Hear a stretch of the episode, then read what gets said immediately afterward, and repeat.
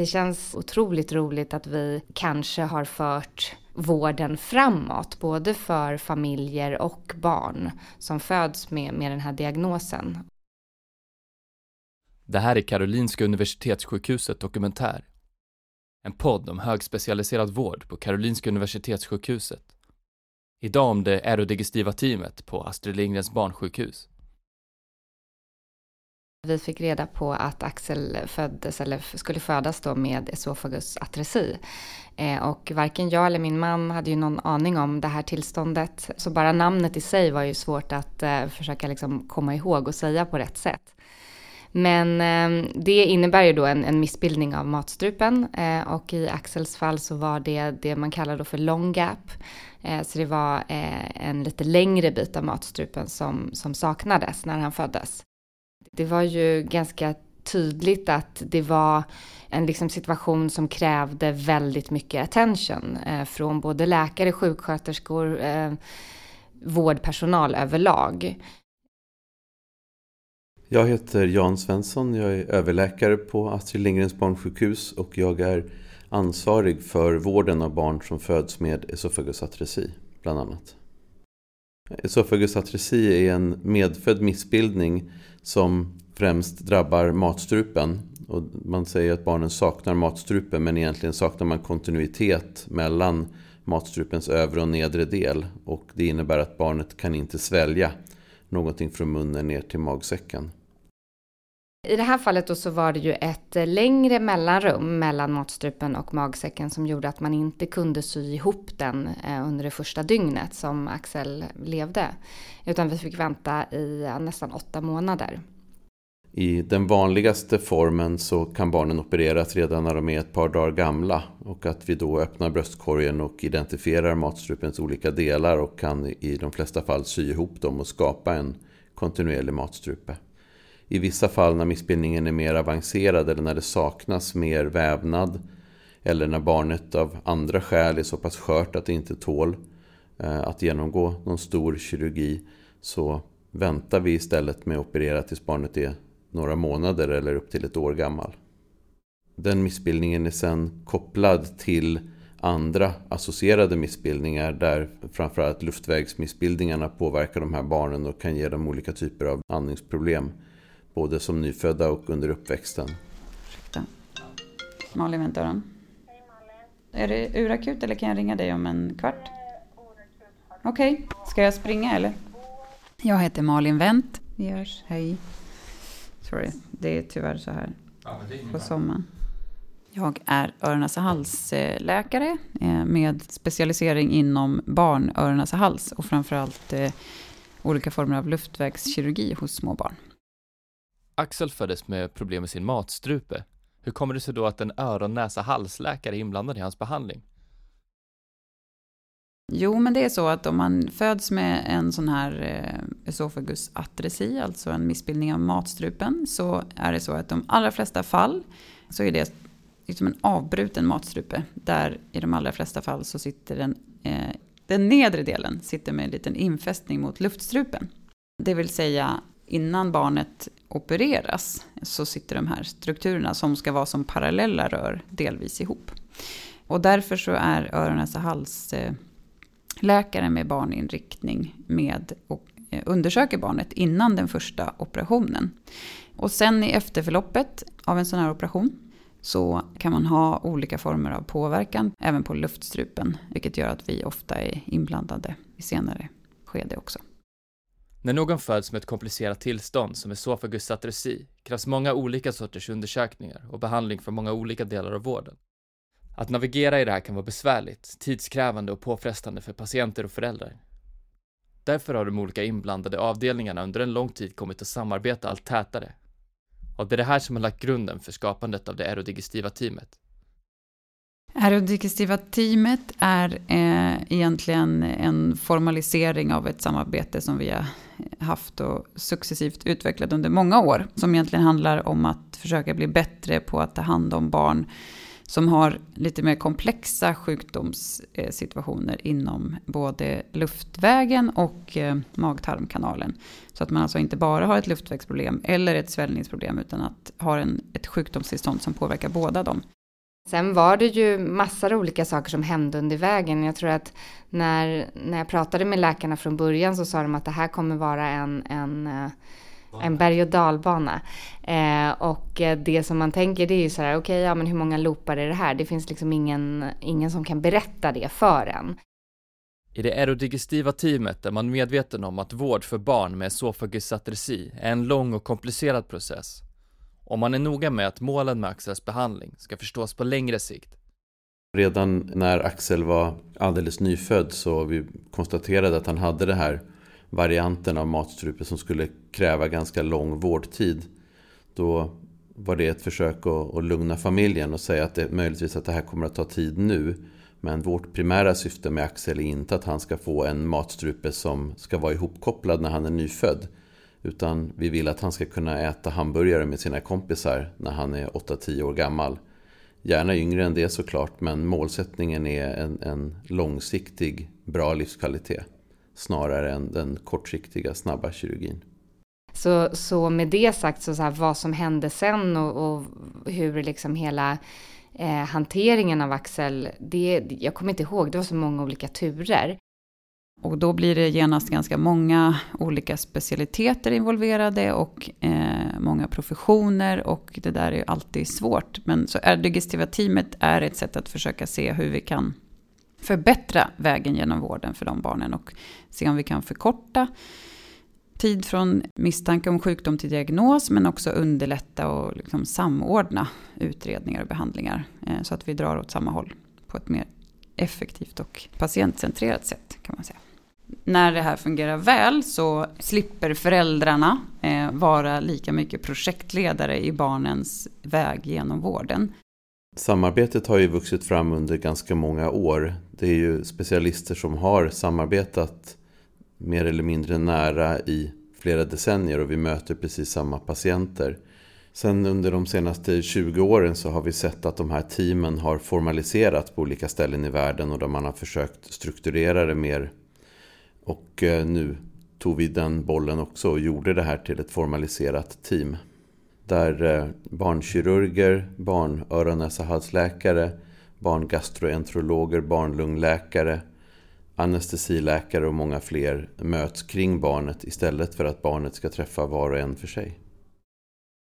Vi jobbar egentligen i våra respektive verksamheter med en massa andra patientgrupper och diagnoser. Men när en förfrågan kommer in eh, kring ett barn som har en lite mer komplex eh, symptombild, att vi redan där samlas och lägger upp en plan för hur utredning ska gå till, vilka undersökningar som ska beställas, om det är någonting vi ska eh, göra samtidigt.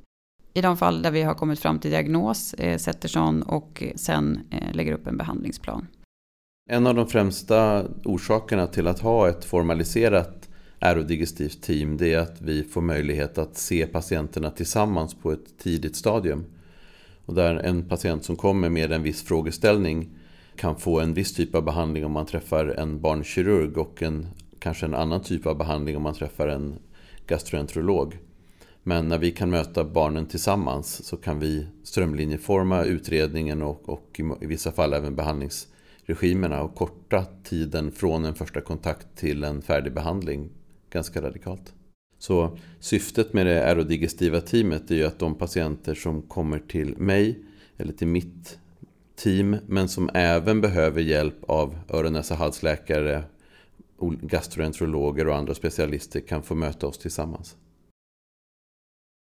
Styrkan i det här teamet är att vi samordnar oss kring de eh, undersökningar och eh, behandlingar som vi behöver göra på operationsavdelningen. Att vi tillsammans och samtidigt kan titta i både luftstrupe och matstrupe och lunga. Och det är en stor vinst jämfört med hur vi kanske för ett antal år sedan såg de här patienterna separat. Och när vi ser barn tillsammans och samtidigt så blir också informationen från båda vägar. Dels från, eh, det är ofta små barn det här, så det är föräldrarna som ger informationen. Men information dels från föräldrarna om hur sjukdomen utvecklas, hur symptomen artar sig just idag. Den hör vi samtidigt och vi förmedlar vår information till föräldrarna samtidigt. Och där tror jag att det finns en stor vinst. Så vi samlas kring barnet helt enkelt istället för att barnet ska gå eh, på en snårig väg genom vården. Ja, men för oss har det ju verkligen betytt att, att man kan resonera och förstå eh, Axels tillstånd utifrån flera olika perspektiv och att man har förstått att, att allting hänger ihop. Eh, och sen är det ju också sådana saker som man såklart tar i, tar i beaktande utifrån hur många gånger ett barn behöver sövas för att göra olika kontroller. Det är fantastiskt att man kan minimera de tillfällena och göra flera olika kontroller under samma sövning. En sövning på ett i övrigt friskt barn är egentligen väldigt låg risk, men all form av eh, procedur på det sättet innebär en eh, viss påfrestning för kroppen och en liten risk för efterföljande komplikationer i form av luftvägsinfektioner och annat. Eh, och de här barnen har ofta en samsjuklighet som gör att de är lite mer känsliga för att bli sövda. Eh, vilket gör att det är en vinst både vad det gäller obehag för barnet. Eh, vi behöver ändå ge läkemedel och barnet ska somna och vakna. Men också risk för effekter av sövning. Efter att ha spenderat fyra månader på sjukhus får Axel och hans familj äntligen åka hem i väntan på operation. Hans matstrupe har ännu inte växt tillräckligt för att man ska kunna skapa en kontinuitet från munnen ner till magsäcken. Men under tiden de väntar gör man vad man kan för att förbereda Axel på livet efter operationen. Det vi har lärt oss då med de här barnen när vi vill vänta på kirurgi är ju att de, vi måste hitta på ett sätt för de barnen att lära sig att äta ändå. För en av anledningarna till att vi har velat ha bråttom med att sy ihop matstrupen tidigare är för att barnen ska lära sig att äta. Det är en reflex som man har med sig när man föds men om man inte får använda den när man är nyfödd så kan man glömma bort den och det kan ta många år att lära sig att äta om man har glömt hur man gjorde. I vissa fall så lär sig barnen aldrig det när de inte har haft möjlighet som nyfödda. Jag har tänkt att det är så viktigt att försöka normalisera för de här familjerna. För det är inte så enkelt kanske att vara familj i den högspecialiserade vården under så lång tid. Så hur kan vi göra det så enkelt och så normalt som möjligt för de här familjerna? Jag heter Anna Maria Tollne och jag jobbar som specialistsjuksköterska men också som omvårdnadsledare på övre gastro kan man säga, på barnkirurgen på Astrid Lindgrens barnsjukhus.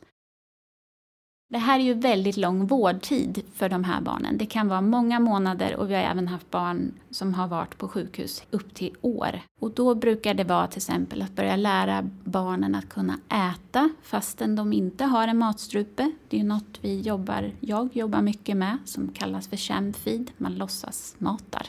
Barnet som då inte har en matstrupe har en sond i det övre segmentet och det får antingen amma eller äta på nappflaska.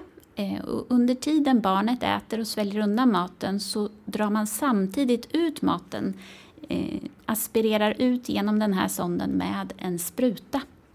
Och samtidigt som det här görs så ger man också maten direkt i magsäcken via en slang som barnet har, en gastrostomi som vi kallar det, i magsäcken. Och det här blir ju ett normalt sätt för, så normalt sätt som möjligt för barnen att äta på efter operationen så har ju barnet inte gjort något annat än att ätit på det här sättet och då när matstrupen är hel igen så kan man ju mata direkt.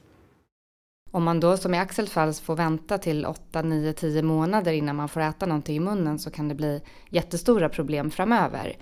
Så det vi fick förklarat för oss och det vi sen ägnade ganska mycket tid åt det var ju just att ge honom mat i flaska i munnen och sen suga ut den då med en spruta och sen samtidigt ge honom samma mat då som han faktiskt har ätit i munnen in i en annan spruta i hans knapp, rakt in i magen. Då hade han och hans familj möjlighet att leva på det sättet över en ganska lång tid och vi kunde vänta ut de optimala förutsättningarna för att rekonstruera hans matstrupe man kan göra det så normalt som möjligt för mage och tarm med alla dess funktioner, alla hormoner och det som frisätts så blir det ju också bättre för barnen på lång sikt. Men det här är ju mer än så, för äta eh, när barnet ammar eller barnet får mat på flaska så är det ju också en kommunikation med en förälder. Man är i en förälders famn, eh, man har ögonkontakt med föräldern och det här också såklart påverkar ju, tänker jag, anknytning och annat. Och jag tror att det är en av de framgångsfaktorer också som gör att Axel liksom inte har haft några stora svårigheter att äta mat, även när han då blev färdigopererad. För vi, vi tog det här väldigt allvarligt. Vi, vi såg ju att både jag och Anna-Maria de förespråkade det här väldigt mycket. Varför vi då försökte att ge Axel mat på det sättet varje vaken tid. Eh, så han fick verkligen öva på det. Modellen att vänta på kirurgi är inte på något sätt unikt. Modellen att låta barnen äta mat är inte heller unikt. Det som är unikt i våran setting det är att vi utbildar föräldrarna till att hantera den här vården för att de sen ska kunna vara hemma och leva ett så normalt familjeliv som möjligt under tiden man väntar till kirurgin. Vilket vi tror normaliserar för föräldraskapet och minskar stressen för barn och familjer. Första gången så är det ju lite speciellt för då vet man inte riktigt hur bra barnet klarar att hantera sin luftväg när man ger mat. Men även då så får föräldrarna vara med och ge några droppar bredvid nappen. Och de brukar bli så otroligt glada. Det här är något som barn och familjer uppskattar tillsammans. Men det är en svår avvägning. Eh, vi har familjer som vill, vill gå hem. Eh, men när kan de gå hem? De behöver klara saker förstås. Eh, lära sig saker. Och det ska ju vara säkert för barn och familjer. Ja men det är lite science fiction och när jag tänker tillbaka på det så känns det eh, helt otroligt att vi faktiskt gjorde det under väldigt, väldigt lång tid. Så det var en, en procedur som krävde eh, ganska mycket teknik och eh, färdigheter för att klara av. Och också att de ska kunna utföra det här hemma. Och det blir din... Det är, det är min uppgift att hjälpa till med det. Mina kollegor också förstås vi gör det här tillsammans. Men jag eh, driver det mycket. Nej, men det betyder ju otroligt mycket att vi kunde få vara hemma. Eh, vi har en dotter också som då är två och ett halvt år äldre än Axel. Bara det faktum att hon fick vara med sin lillebror och att Axel kändes som en naturlig del av vår familj gjorde ju otroligt mycket. Och sen att få komma ifrån sjukhusmiljön. Jag vägrade ju någonstans att benämna mitt barn som ett allvarligt sjukt barn. För jag tyckte det kändes alltså, jobbigt utifrån, utifrån ett epitet så. Och jag visste att, eller jag tänkte att när han väl har opererats, då är allting borta. Alltså då är inte han sjuk längre. Och med det sagt så var det ju en befrielse att få komma ifrån sjukhuset också. Och kunna på något sätt leva i någon form av normal tillstånd tillsammans. Utöver att fungera som ett nav inom sjukhuset har det R-digestiva teamet även ett stort internationellt kontaktnät. Här finns både teamets egna förebilder och de sjukhus som vill ta efter de metoder som visat sig fungera på Karolinska. En del av det här teamet är ju det att förutom att vi läkare på Astrid Lindgrens barnsjukhus möts kring de här barnen och samarbetar med andra specialister även på hela Karolinska Universitetssjukhuset så ger det här en ökad möjlighet till internationella kontakter och människor med mycket kunskap på olika ställen runt om i världen. Och det gör ju att vi har möjlighet att erbjuda den patienten som kommer till oss en väldigt högkvalitativ vård. För de saker som vi kanske saknar erfarenhet eller har begränsad erfarenhet av på Karolinska kan vi förmedla till, till eller från andra specialister ute i världen. Det här är inte något som Karolinska Universitetssjukhuset har hittat på. Utan eh, internationellt sett så har man arbetat i ärgdigestiva team i eh, mycket längre tid. Bland annat eh, samarbetspartners vi har i USA har sedan länge eh, haft formella ärgdigestiva team. Det finns en del forskning gjort på det där vi ser att ledtider som det kallas, alltså tid från eh, misstanke om sjukdom till diagnos kan kortas avsevärt och att man också har haft eh, stor förbättring i hur familjerna och barnen upplever vården. Vårdförlopp som har kunnat ta upp till flera månader kanske genomförs på enstaka veckor istället. Så att jag tror att med ett välfungerande aerodigestivt team och, och eh, med fungerande möteskanaler kan man förkorta de här utrednings och behandlingstiderna från månader till veckor.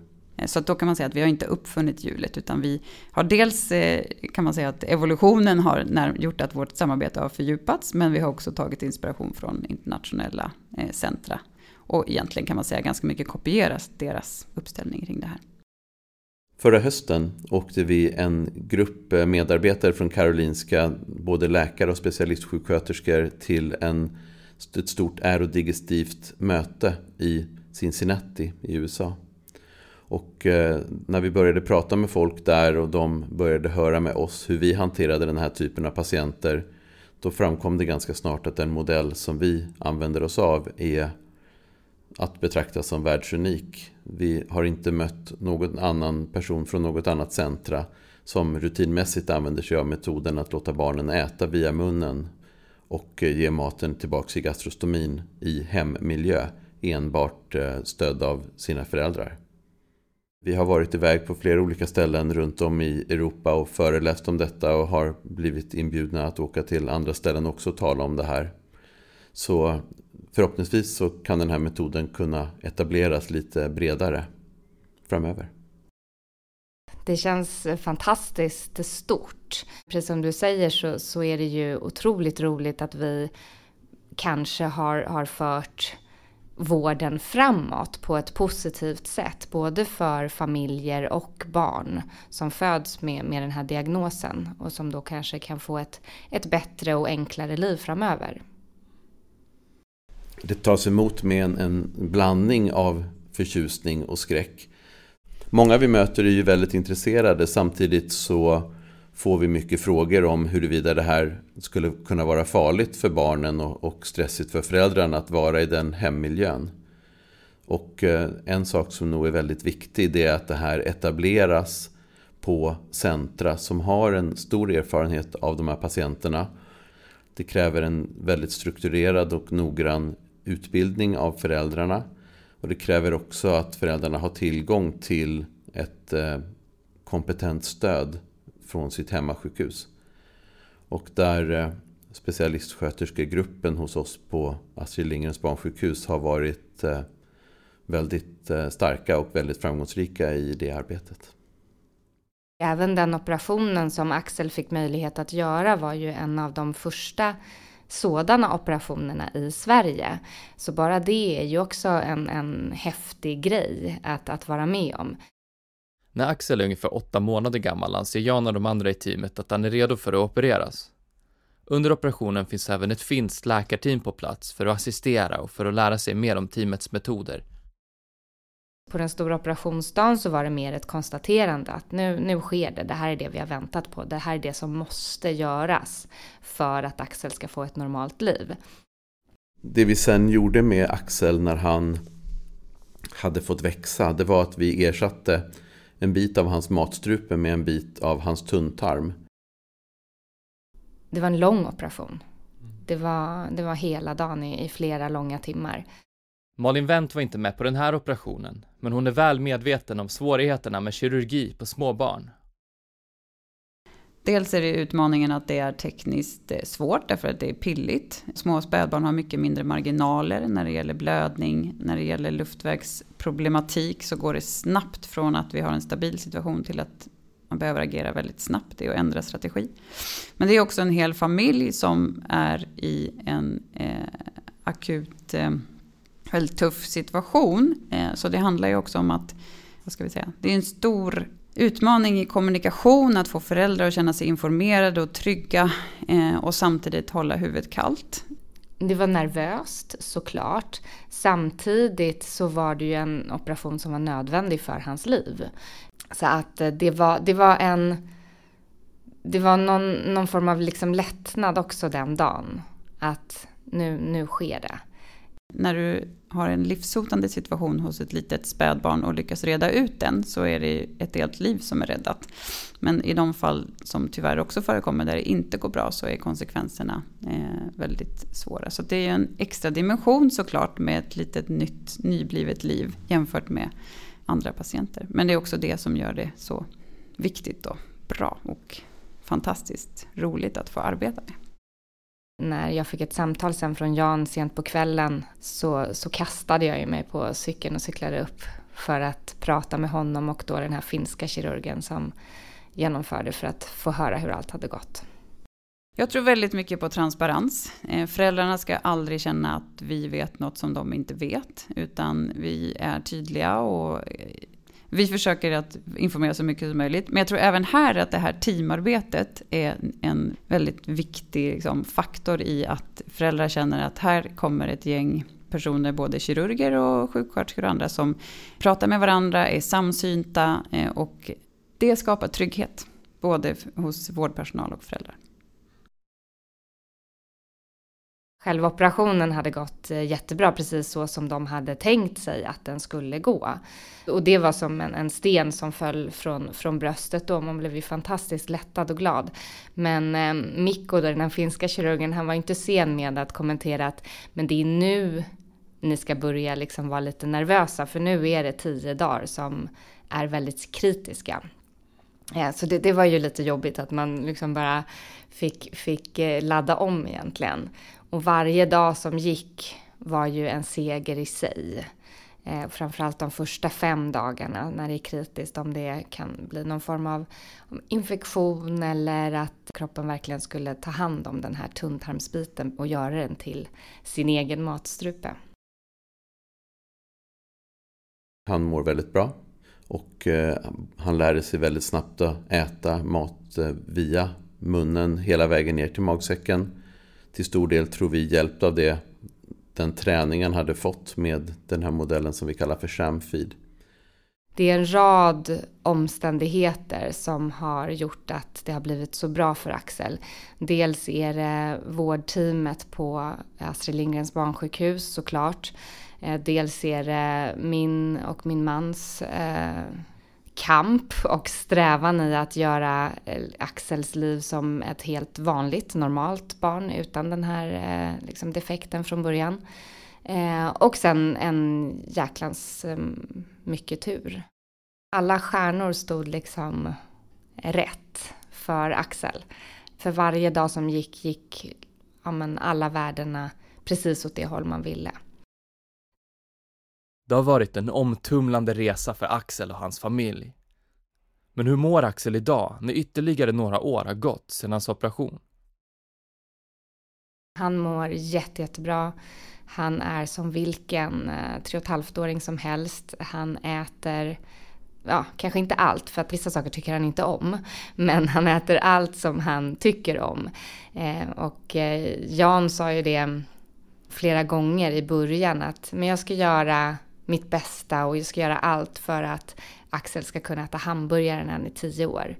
Eh, när han var ett och ett halvt, två år så satt han och tryckte i sig en hamburgare. Och då skickade vi en film till Jan och visade att, att du har gjort mer än vad du trodde att du skulle kunna göra. Så det är fantastiskt. Det är ingenting idag som vittnar om att Axel har varit med om det här hans första levnadsår. Du har lyssnat på Karolinska Universitetssjukhuset dokumentär en podd om högspecialiserad vård på Karolinska Universitetssjukhuset. Idag om det aerodigestiva teamet på Astrid Lindgrens barnsjukhus. Och jag som har gjort den här podden heter Olle Borg.